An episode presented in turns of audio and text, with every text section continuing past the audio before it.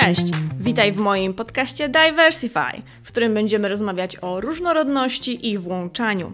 Moim celem jest przeprowadzenie ciekawych i inspirujących rozmów na temat wyzwań i korzyści, jakie niesie ze sobą różnorodność w miejscu pracy, szkole, społecznościach i w naszym codziennym życiu. Będę rozmawiać z ekspertami, aktywistami i ludźmi, którzy przyczyniają się do tworzenia bardziej otwartych i tolerancyjnych społeczeństw.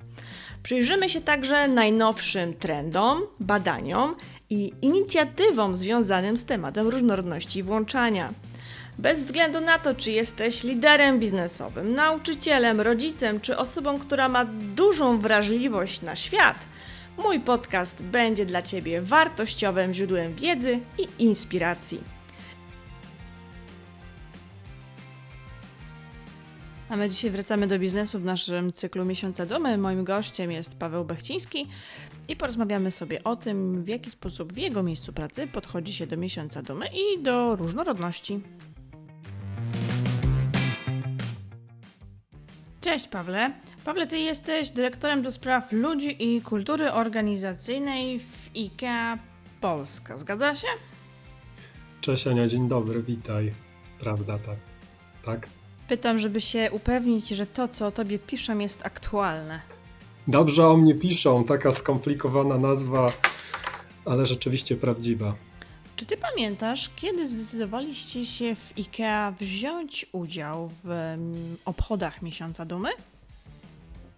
Mhm. Mm powiem Ci tak, że nasza droga e, rozpoczęła się w zasadzie od obchodzenia e, Dnia przeciwko homofobii, bifobii i transfobii. To jest dzień 17, 17 czerwca.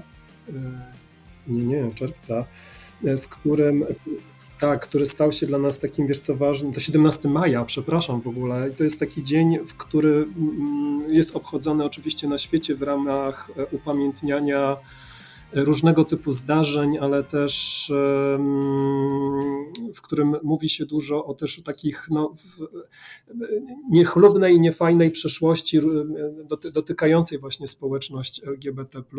I my, i my właśnie wtedy w tym 2019 roku rozpoczynaliśmy w ogóle naszą nową strategię wdraża, wdrażaliśmy strategię dotyczącą różnorodności i wyłączania osób i wtedy mieliśmy takie właśnie wielkie marzenie, żeby zacząć działać w tym temacie.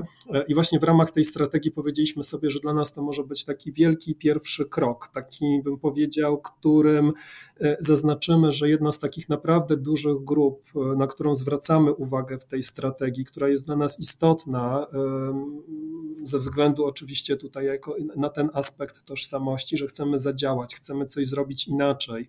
Chcemy zaznaczyć, że rzeczywiście dla nas ważny jest ten szacunek dla ludzi i że jako organizacja no nie tylko chcemy o tym mówić, tylko chcemy zacząć działać tak naprawdę. I to był taki pierwszy, pierwszy rok, kiedy budowaliśmy tak naprawdę świadomość, zaczęliśmy o tym mówić, o równości, o włączaniu, i też pamiętam, że to były takie pierwsze kroki kiedy no też tak skromnie zaczynaliśmy, bo też mogę powiedzieć, że mówiliśmy bardziej o szacunku, o wzajemnej współpracy, o tym, że my jesteśmy w ramach IKEA e, e, różnorodni i że każdy zasługuje na szacunek i wtedy właśnie też dosyć tak otwarcie powiedzieliśmy, że z jedną z takich grup, którą włączamy, która jest dla nas ważna, to jest właśnie grupa naszych też pracowników LGBT. Więc jak widzisz, to były takie pierwsze bardzo ostrożne kroki. Do nich potem doszły kolejne działania, które zaczynaliśmy podejmować. Czy to jeszcze było przed tęczowymi torbami? To był taki moment, kiedy tak, kiedy jeszcze w ogóle myśleliśmy o tym, w jaki sposób też e, ten dzień y, zacząć obchodzić, ale wiesz, my Wika trochę tak powiem Ci bardzo uczciwie, jesteśmy bardziej nakierowani na działanie niż mówienie, czyli ja też dużo bardziej wierzę w to, że to tak naprawdę y, że tak naprawdę różnicę robi, kiedy coś robisz, a nie kiedy o tym mówisz. Różnicę robi to, kiedy podejmiesz konkretne działania, które wspierają społeczność, e, a nie kiedy na przykład, nie wiem, zmieniasz logo natęczowe. Oczywiście takie rzeczy są ważne jako gesty solidarności, ale jednak y, w ostateczności my chcemy robić tą zmianę społeczną. I na przykład właśnie w tej strategii, o której mówimy, mówimy o tym, że chcemy y, działać y, i mówić, że każdy i każda z naszych, każda pracowniczka i każdy nasz pracownik zasługuje na szacunek, na równe szanse, ale też mówimy o tym, że chcemy zmieniać i robić zmianę społeczną. I wtedy pojawiła się, e, pojawił się pomysł toreb tęczowych, które miały ze sobą nieść misję, e, które miały być też elementem połączenia, e, zobacz, biznesu tak naprawdę z ideą wsparcia i w ogóle ze strategią diversity and inclusion. I wtedy pojawiły się te torby, które na początku miały po pierwsze oczywiście wymiar taki symboliczny wsparcia społeczności w okresie właśnie obchodzenia tego dnia 17 maja Aidahot, e, ale też e, chcieliśmy poprzez tą akcję już zacząć wspierać działania takie e, nakierowane wtedy oczywiście na młodzież doświadczającą różnego typu trudności. Wtedy część e, przychodu ze sprzedaży toreb przeznaczaliśmy na, którą ta fundacja prowadzi, opiekując się też często młodzieżą, osobami młodymi, które ulegają wykluczeniu, które doświadczają różnego typu trudności trudności e, społecznych. Więc też zaczynaliśmy taki, bym powiedział, sposób e, komunikować i wspierać społeczność. Tak naprawdę do miesiąca dumy i obchodów takich pełnych doszliśmy w tym roku, kiedy ja uważam, że to już jest taki bardzo symboliczny moment, kiedy pojawiła się i inicjatywa ze strony pracowników naszej sieci różnorodności i powiedzieliśmy tak, idziemy razem, chcemy uczestniczyć w obchodach Pride Month być częścią też e, parady i w zasadzie w ten sposób umożliwiliśmy po prostu naszym pracownikom, którzy się zorganizowali, którzy chcieli pójść, żeby też otwarcie z logo IKEA poszli e, wzięli udział w paradzie. Więc to były takie, wiesz, kroki, można powiedzieć, e, krok po kroku, coraz odważniej do celu. A powiedz mi w ogóle, cała ta inicjatywa, to czym się kierowaliście na początku, to wyszło oddolnie, czy to było odgórnie, czy w ogóle grupa tak postanowiła? Bo przeważnie z zagranicy przychodzi? Mm, e, pytanie, o którym etapie mówisz, e, bo myślę, że takie. No. E, mhm. Konkretnie chodzi mi o to właśnie, o kwestię wsparcia i mówienia o szacunku, tak jak mówisz, że to się tak zaczynało ostrożnie, to czy w ogóle to wsparcie dla społeczności LGBTQ+, i obchody majowe, to był właśnie oddolny pomysł, czy to, to wyszło od zarządu, czy, czy mhm. od ciebie? Wiesz co, my w ogóle zaczęliśmy, od, od, w zasadzie od zawsze w wartościach IKEA jest coś takiego jak szacunek i zawsze budując miejsce pracy, my zawsze myślimy o tym, jak zapewnić ludziom e, równe szanse, e, pracownikom, pracowniczkom w naszej e, organizacji, E, I też e, my wiesz, od zawsze mówimy o tym, że równość jest po prostu prawem człowieka, takim wiesz, niezbywalnym. To jest bardzo zakorzenione w wartościach. E, strategia pojawiła się, bym powiedział, no to, było, to były bardzo różne inicjatywy, bo po pierwsze, my jako ludzie wewnątrz organizacji czuliśmy, że działania są potrzebne, że adresujemy działania do pewnych grup, e, na przykład w kontekście już wcześniej dużo bardziej działając w obszarze równości płci. E, zaczęliśmy też działać w kontekście na przykład włączania pracowników 50, stawiania na taką aktywizację zawodową zatrudniania Natomiast zidentyfikowaliśmy również inne grupy, do których chcieliśmy jakby adresować działania i też w bardzo świadomy sposób sobie to poukładaliśmy. I przyszedł taki moment, w którym powiedzieliśmy w organizacji: OK, teraz to jest ten właściwy moment, kiedy zaczynamy działać pod kątem e, naszej społeczności LGBT.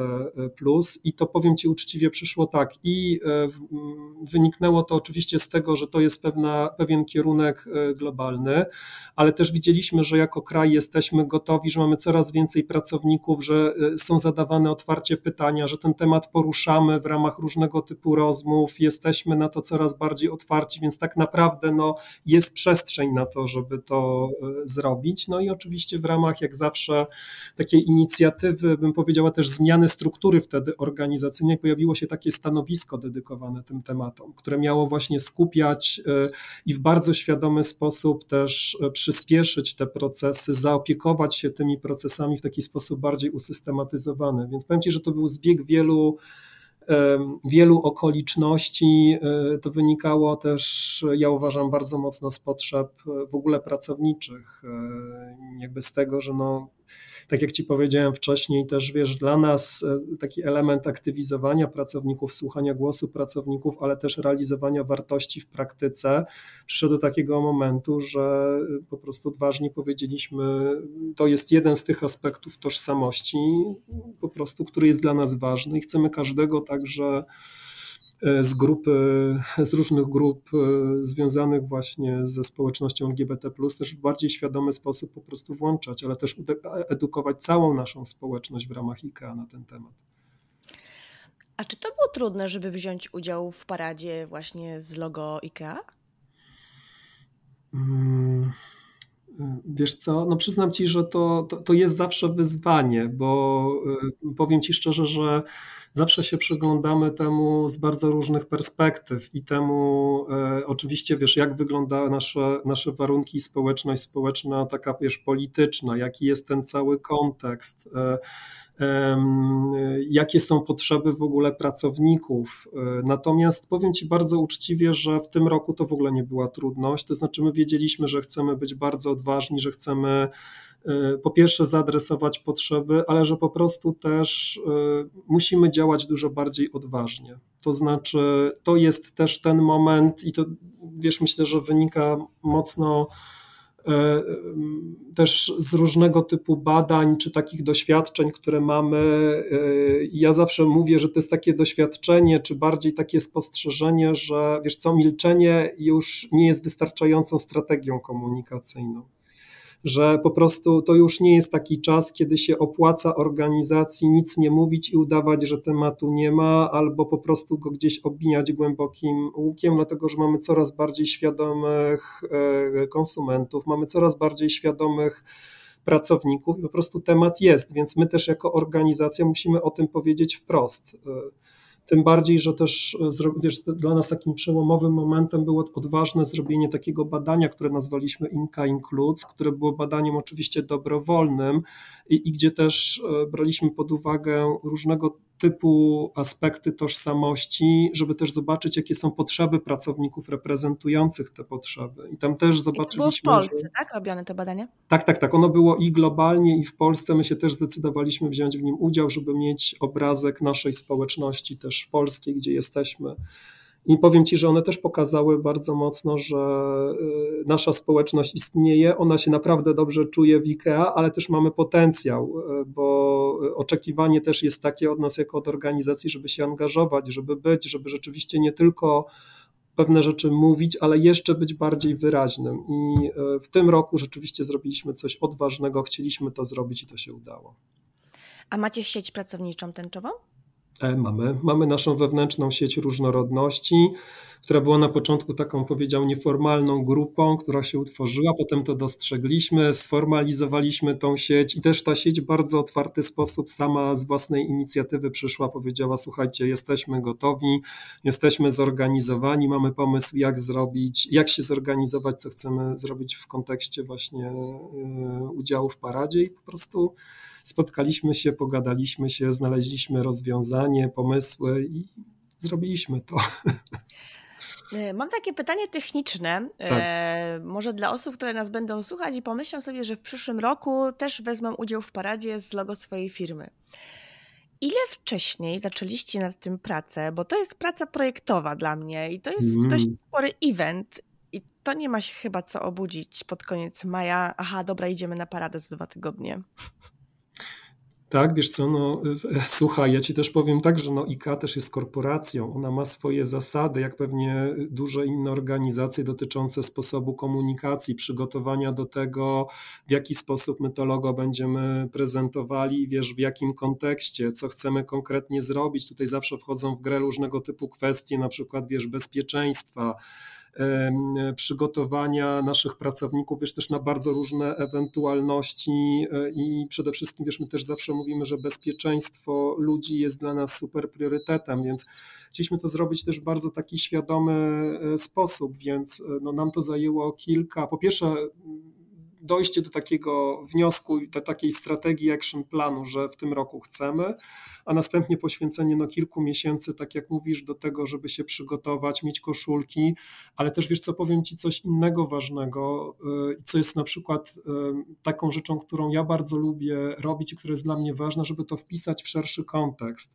No to nie tylko o to chodzi, żeby po prostu pójść na paradę, tylko też o to, żeby ta celebracja była w jakiś sposób e, dotyczyła każdego pracownika, żeby szersza społeczność też z tego korzystała, bo nawet jeżeli nie należę do społeczności LGBT i nie będę na paradzie, to jednak e, ten cały Pride Month powinniśmy w jakiś sposób obchodzić e, wszyscy, w takim sensie, że o pewnych aspektach powinniśmy mówić, które nas dotykają też w kontekście różnorodności. I my na przykład w tym roku bardzo mocno zorganizowaliśmy, zorganizowaliśmy się wokół edukacji, mówieniu o dwóch rzeczach, konkretnie o mowie nienawiści, jaką ona może mieć, że tak jakie może mieć konsekwencje, co to może dla ludzi oznaczać. Mówiliśmy także e, o używaniu właściwych zaimków, czyli e, o we właściwy sposób zwracaniu się do siebie, żeby to była rzeczywiście taka mowa na co dzień e, włączająca. No i też włączaliśmy działania takie typowo biznesowe, jak na przykład oczywiście nasza torba Storstroma w tym roku, czyli ta torba tęczowa, y, dalej wsparcie Fundacji Dajemy Dzieciom Siłę, ale w tym roku też bardzo świadomie powiedzieliśmy, że chcemy wspierać Stowarzyszenie Miłość Nie Wyklucza. Zaangażowaliśmy się w takie działanie znowu bardziej w kontekście praw człowieka, żeby wesprzeć konkretne ich działania w projekcie Prawo Nie Wyklucza. Więc ważny jest cały taki aspekt, bym powiedział, e, dla organizacji, dla społeczności LGBT, ale też no, dla nas jest ważne, żeby wokół tego budować pewną przewagę konkurencyjną. Więc żeby też używać pewnej pozycji, którą mamy jako organizacja i też głośno mówić w mediach społecznościowych, żeby się przygotować do tego, wystąpić w określonych, na określonych forach, gdzie też możemy otwarcie mówić o naszych doświadczeniach, dzielić się wiedzą. Więc fajnie jest mieć taki program, taki pomysł e, wokół tego, bo tutaj nie tylko chodzi o samą celebrację dla społeczności LGBT, ale o pewne jakby no szersze, szerszą edukację, y, budowanie wiedzy, świadomości, y, tak żebyśmy wszyscy zrozumieli, w jaki sposób pewne aspekty wykluczenia, a może nawet pozytywnie mówiąc włączania mają wpływ na każdego i każdą z nas. A powiedz mi jeszcze, bo rozumiem, że skoro te inicjatywy też były oddolne, było to badanie na pracownikach, to rozumiem, że ten feedback jest pewnie pozytywny. A co z klientami? No, powiem ci, że yy, mogę, myślę, że możemy to mierzyć sprzedażą torby chociażby tej, wiesz, kolorowej, no bo wiesz, jak szukamy pewnych mierników, to powiem Ci, że torba się sprzedaje super. Nawet muszę Ci powiedzieć, że e, ona zrobiła furorę już w zeszłym roku, dlatego że e, my tą torbę sprzedawaliśmy, wiesz, tylko e, jeszcze do ubiegłego roku w takim bardzo określonym momencie w roku, czyli właśnie zaczynaliśmy w maju i poprzez Pride Month ta sprzedaż trwała. Potem rzeczywiście tą torbę wycofywaliśmy. Natomiast w zeszłym roku się okazało, że ta torba się tak dobrze sprzedaje, że ją włączyliśmy do po prostu stałego asortymentu po prostu przez e, cały rok. I do dzisiaj widzimy, że rzeczywiście ta sprzedaż jest, e, idzie nam e, naprawdę, naprawdę dobrze, więc widać, że klienci skoro kupują, no to znaczy, że też wspierają tą ideę. Też mamy, powiem Ci, uczciwie patrzymy na e, elementy takiego, wiesz, media monitoringu, to też jest bardzo konkretny taki, bym powiedział, wskaźnik i widzimy naprawdę super pozytywne e, reakcje. E, w tym roku, wiesz, też patrzymy, oczywiście, jak zawsze, każda organizacja, jakie się chociażby komentarze pojawiają pod różnego typu naszymi postami czy artykułami. Możesz sobie wyobrazić, że jeszcze kilka lat temu no to tych wypowiedzi negatywnych było bardzo dużo, kiedy, kiedy zaczynaliśmy. Dzisiaj to są tak naprawdę wiesz, jakieś takie pojedyncze e, informacje. A też mogę Ci coś bardzo ciekawego powiedzieć, bo e, jak bywam na różnego typu spotkaniach, konferencjach, mówię o takim, e, o takim jednym raporcie, czy o takich danych, które są dla mnie szczególnie ważne i też tak obrazują pewien obrazek i to polecam wszystkim zerknąć. Jest coś takiego, się odbywa jak badanie Edelman Trust Barometer. To jest badanie, w którym tak naprawdę bierze się pod uwagę e, głos obywateli i bada się stopień zaufania do różnych podmiotów e, w życiu społecznym, czyli do biznesu, organizacji pozarządowych, rządu, a także do mediów. I to badanie pokazuje, że no, zaufanie rośnie w zasadzie najbardziej do biznesu, natomiast spada w przypadku często rządu i po prostu i, i mediów, i to jest bardzo wyraźny trend. Co jest bardzo ciekawe, rosną też oczekiwania e, społeczeństwa co do właśnie biznesu i tego, żeby ten biznes, jak to się mówi, drive'ował, czyli przewodził tej zmianie, żeby jeszcze więcej robił tej zmiany społecznej. I powiem Ci jeszcze jedną taką ciekawostkę. My też to badanie e, realizujemy konkretnie w IKEA na potrzeby IKEA jako marki. E, ja jestem cały czas, jak wychodzę z takiego ogromnego, wiesz, zdziwienia, ale też e, jakby zrozumienia, że na przykład IKEA jest wiesz, dosyć, bardzo dobrze postrzegana jako taka organizacja, wiesz, działająca, zajmująca głos i stanowisko, ale jakbyśmy spojrzeli dalej na oczekiwania klientów, to one mówią, nadal robicie za mało, róbcie jeszcze więcej. Więc to też e, pokazuje, że mamy zaufanie, jesteśmy doceniani, ale też przed nami, wiesz, po prostu potencjał. Więc ja się z tego bardzo cieszę, że już mamy takie osiągnięcia, ale też widać, że przed nami nadal nadal sporo. Klienci są i to dostrzegają. I też widać coraz bardziej znowu e, takie też inne badanie ci przytoczę. E, ono było realizowane przez, z tego co pamiętam, taki duży, dużą agencję PR-ową Havas PR E, która też pokazuje, że e, wielu konsumentów jest praktycznie gotowych zrezygnować po prostu z marki, tak po prostu, bo nie czują się przywiązani. I to dotyczy nawet, e, z tego co pamiętam, to było, to było 80%, więc wyobraź sobie, jakie znaczenie, znaczenia nabiera takie właśnie budowanie lojalności klienta też w oparciu o wartości, o, o głos, który organizacja realizuje. I też znowu ja się cieszę, że mamy grono wiernych klientów, którzy też nas postrzegają po prostu jako tą organizację, która no nie tylko realizuje biznes i oczywiście dba o to, żeby był zysk, ale też niesie e, ważną zmianę społeczną i to czujemy bardzo. Ale też to też, wiesz, sama rozumiesz, to też jest odpowiedzialność ogromna. Tak, jest ogromna odpowiedzialność. E, a tak jeszcze na koniec chciałabym Cię zapytać o jedną taką rzecz. Gdyby mhm. przyszła do Ciebie osoba, która pracuje nie w takiej dużej korporacji i chciała zacząć coś zmieniać, chciałaby mhm. wejść i mówić na głos o tym, że jest społeczność LGBT, chciałaby mm, jakoś, nie wiem, stworzyć sieć pracowniczą. Właściwie, właściwie właśnie tak. Od czego powinna zacząć? Takimi, nie mając dużego budżetu, a pewnie może i nawet wcale. Mm. Ja bym powiedział, powiem coś kontrowersyjnego. Trzeba zacząć od siebie. Świetnie. A powiem Ci dlaczego. Dlatego, że tak naprawdę organizacje rządzą się różnymi prawami, są organizacjami biznesowymi. Bardzo często, jak jesteśmy pracownikiem, to nie jesteśmy właścicielem i trzeba sobie zdać sprawę, że e, możemy mieć bardzo wysokie ambicje, ale tak naprawdę otwartość organizacji może być zupełnie gdzieś indziej i trzeba rozumieć i wiedzieć, że w przypadku zmiany to jest często proces i trzeba zacząć od małych kroków.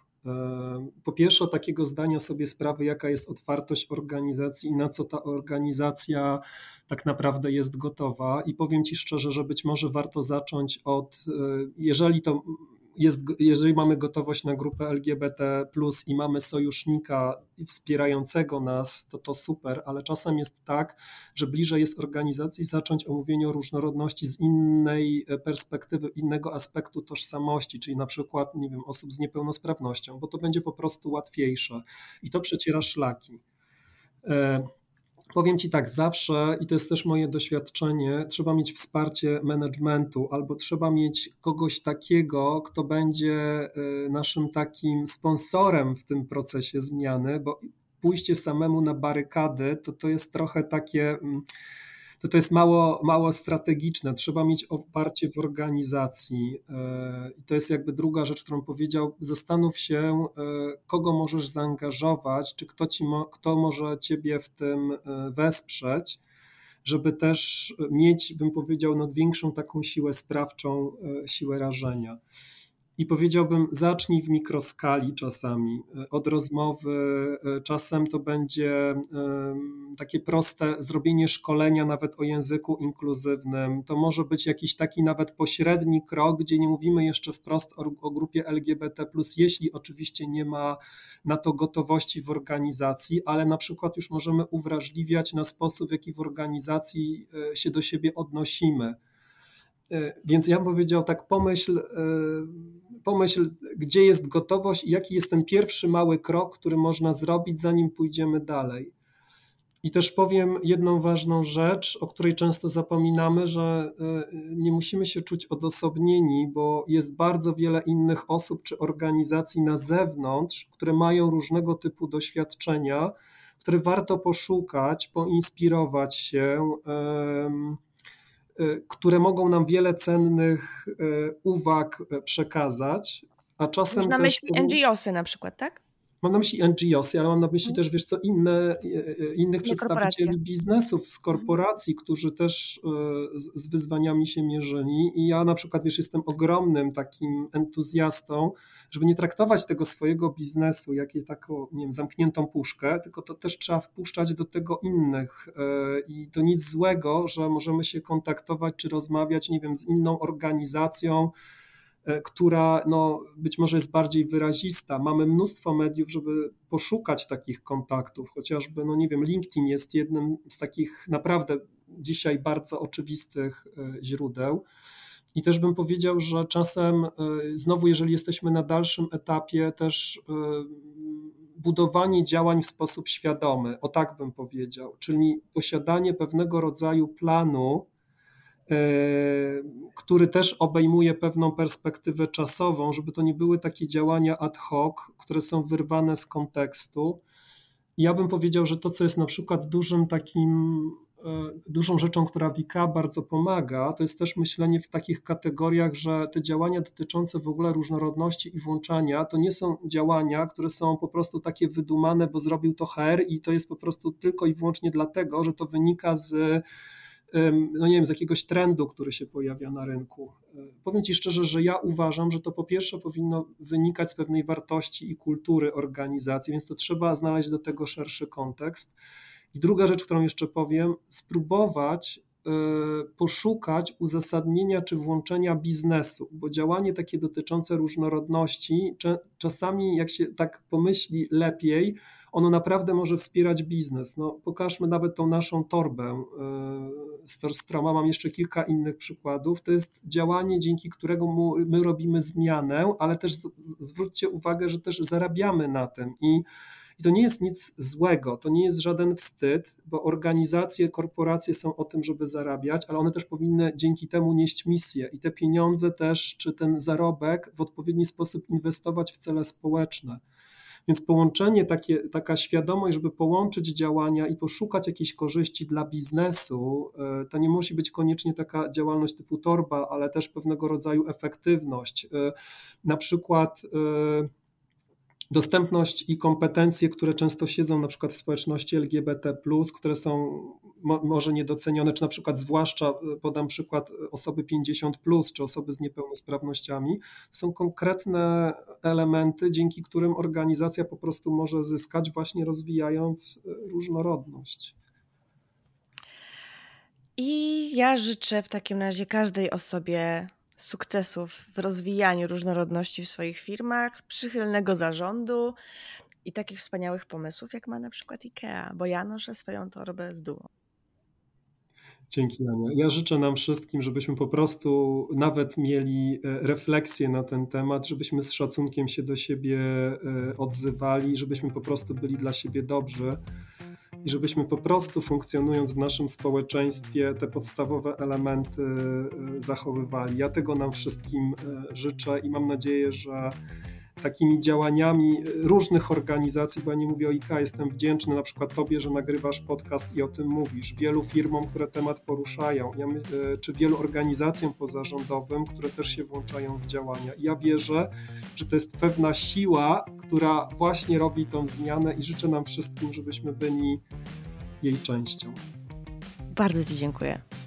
Bardzo też Ci dziękuję, Ania. Mimo, że ten odcinek dobiegł końca, to nie kończymy jeszcze naszego cyklu o miesiącu dumy. W przyszłym tygodniu posłuchacie mojej rozmowy z Danutą Sowińską, prezeską Fundacji Diversity Polska. Do usłyszenia. Cześć!